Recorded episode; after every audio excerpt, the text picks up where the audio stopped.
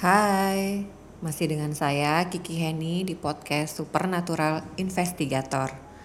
Setelah sebelumnya minggu lalu saya menceritakan kisah teror di kontrakan part 1, maka episode kali ini saya akan melanjutkan part yang kedua. Oke, nggak perlu berpanjang lagi prolognya. Mari kita simak episode teror di kontrakan part 2. Keesokan pagi, kami berlima, Benny, Dwi, Andi, Erwin, dan saya sudah menentukan kamar mana yang akan kami tempati. Saya memilih kamar di bawah yang berhadapan dengan tangga menuju lantai atas dan satu kamar bersama dengan Dwi.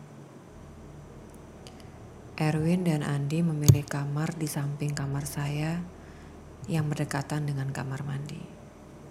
Sengaja kami memilih kamar di lantai bawah supaya kalau ada kelas pagi, kami bisa segera menguasai kamar mandi. Dan Benny menempati kamar utama yang terletak di lantai atas sendirian.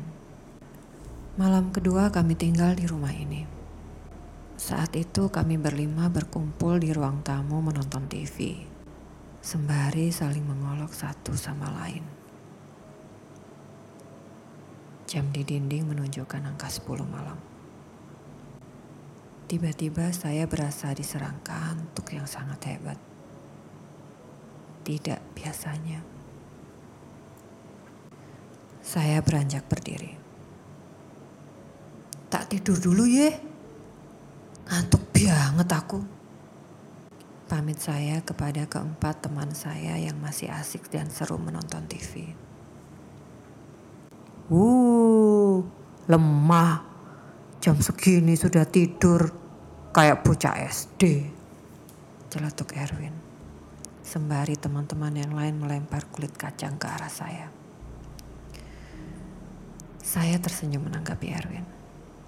Entahlah, Badan saya terasa berat dan mata saya tak bisa ditahan untuk tetap terbuka. Karena saya satu kamar berdua dengan Dwi, sengaja pintu tidak saya tutup. Masih terdengar jelas suara Andi, Erwin, Benny, dan Dwi yang bercanda dan tertawa di ruang tamu. Posisi tempat tidur saya menghadap ke ruang tamu sehingga apabila ada yang lewat di lorong, pasti terlihat jelas oleh saya. Saat memejamkan mata, saya merasa ada yang mengawasi dari arah pintu. Tapi saya tetap berpikiran positif. Kalau itu hanyalah bayangan. Namun, Perasaan diawasi itu semakin terasa nyata. Seakan-akan bayangan putih itu memandangi saya lama. Seketika perasaan merinding merasuki saya. Bulu kuduk saya berdiri. Akhirnya saya membalikkan badan merubah posisi tidur saya. Saya tidur telungkup dan menutupi kepala dengan bantal berharap bayangan itu pergi. Pergi dari pikiran dan perasaan saya.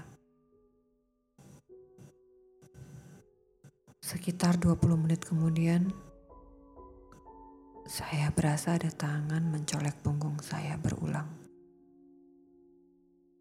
Badan saya terasa berat. Namun saya beranikan diri untuk melihat. Oh, setan. Ganggu wong tidur ae. Teriak saya lega. Ternyata yang mencolek adalah Dwi yang menyusul tidur. Ekspresinya terlihat penasaran. Tidurnya kok gitu? Kamu takut? Enggak.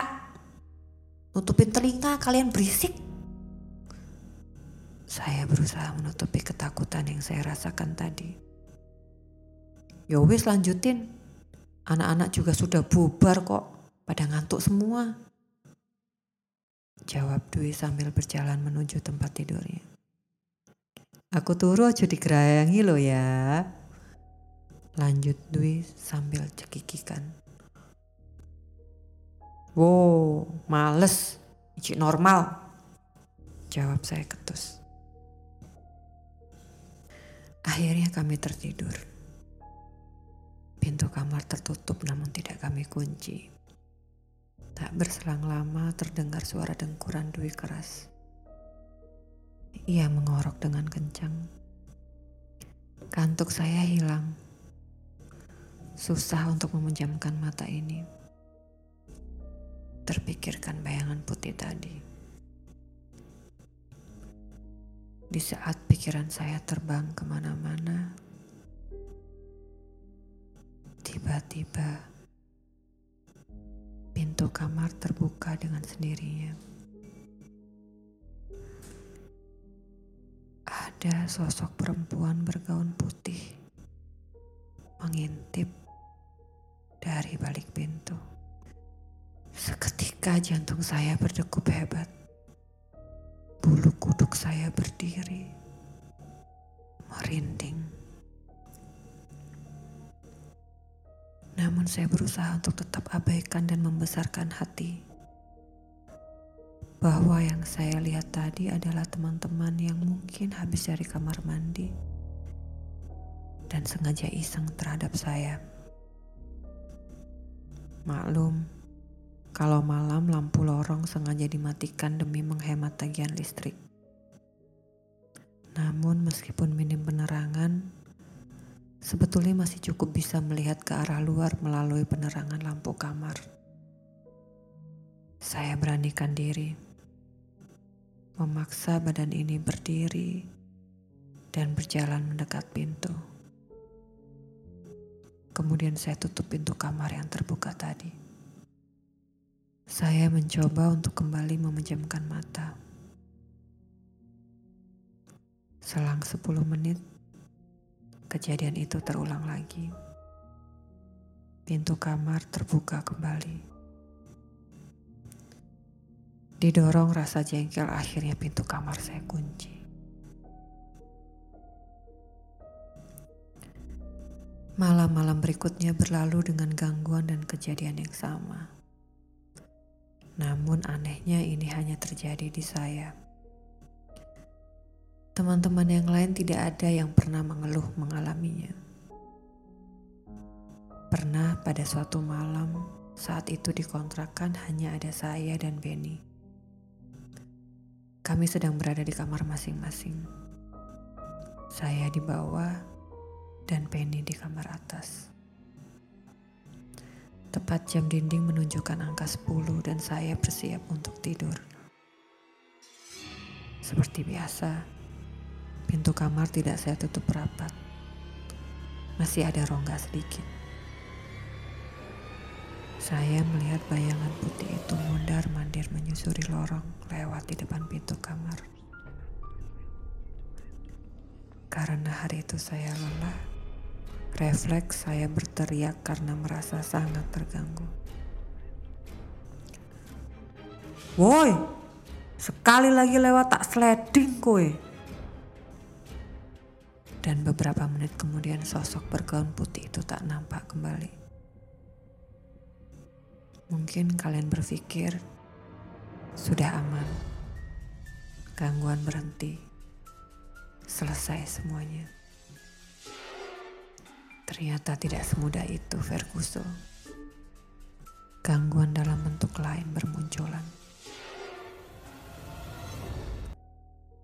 Kamar saya menempel dengan tembok rumah orang dan tidak ada sekat ruangan antara tembok kamar saya dengan tembok rumah tetangga sebelah. Anehnya selalu terdengar suara pukulan di tembok. Dan kami baru mengetahui kemudian Ternyata di kamar sebelah juga mendengar adanya suara pukulan di tembok yang sumbernya berasal dari kamar saya. Pernah pada suatu waktu, Erwin, Dwi, dan Andi berkumpul di kamar bawah. Tiba-tiba terdengar suara pukulan di tembok. Seketika teman-teman terdiam dan saling memandang satu sama lain. Sampai kemudian Erwin berteriak. Woi, berisik woi! Kemudian disusul terlihat bayangan putih melesat terbang ke atas menabrak jendela kaca dan seng penahan air hujan yang ada di depan kamar. Kemudian suasana hening. Dan saya baru mengetahui di kemudian hari, rupanya Erwin dan Andi memiliki kepekaan yang lebih. Kejadian di malam berikutnya. Saat itu pukul satu dini hari.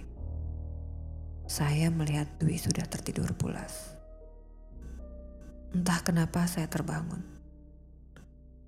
Malam itu lampu kamar dalam keadaan padam. Gelap. Namun masih ada sedikit cahaya masuk dari jendela. Saya merasa ada yang mengawasi Ketika saya membuka mata dan menatap langit-langit atas kamar, jantung saya berdegup dan rasanya berhenti seketika itu juga.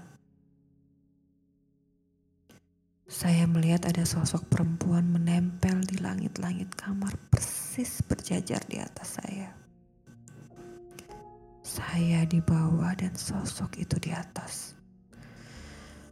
Badan saya seketika kaku, susah digerakkan. Suara saya tertahan, tercekat, tidak bisa keluar.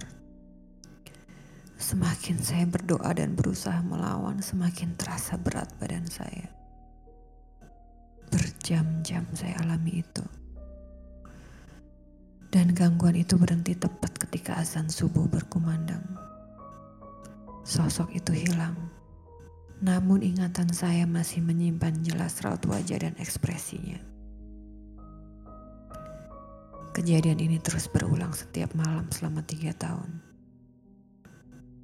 Dan saya merasa tak berdaya. Tidak bisa bercerita ke siapa-siapa.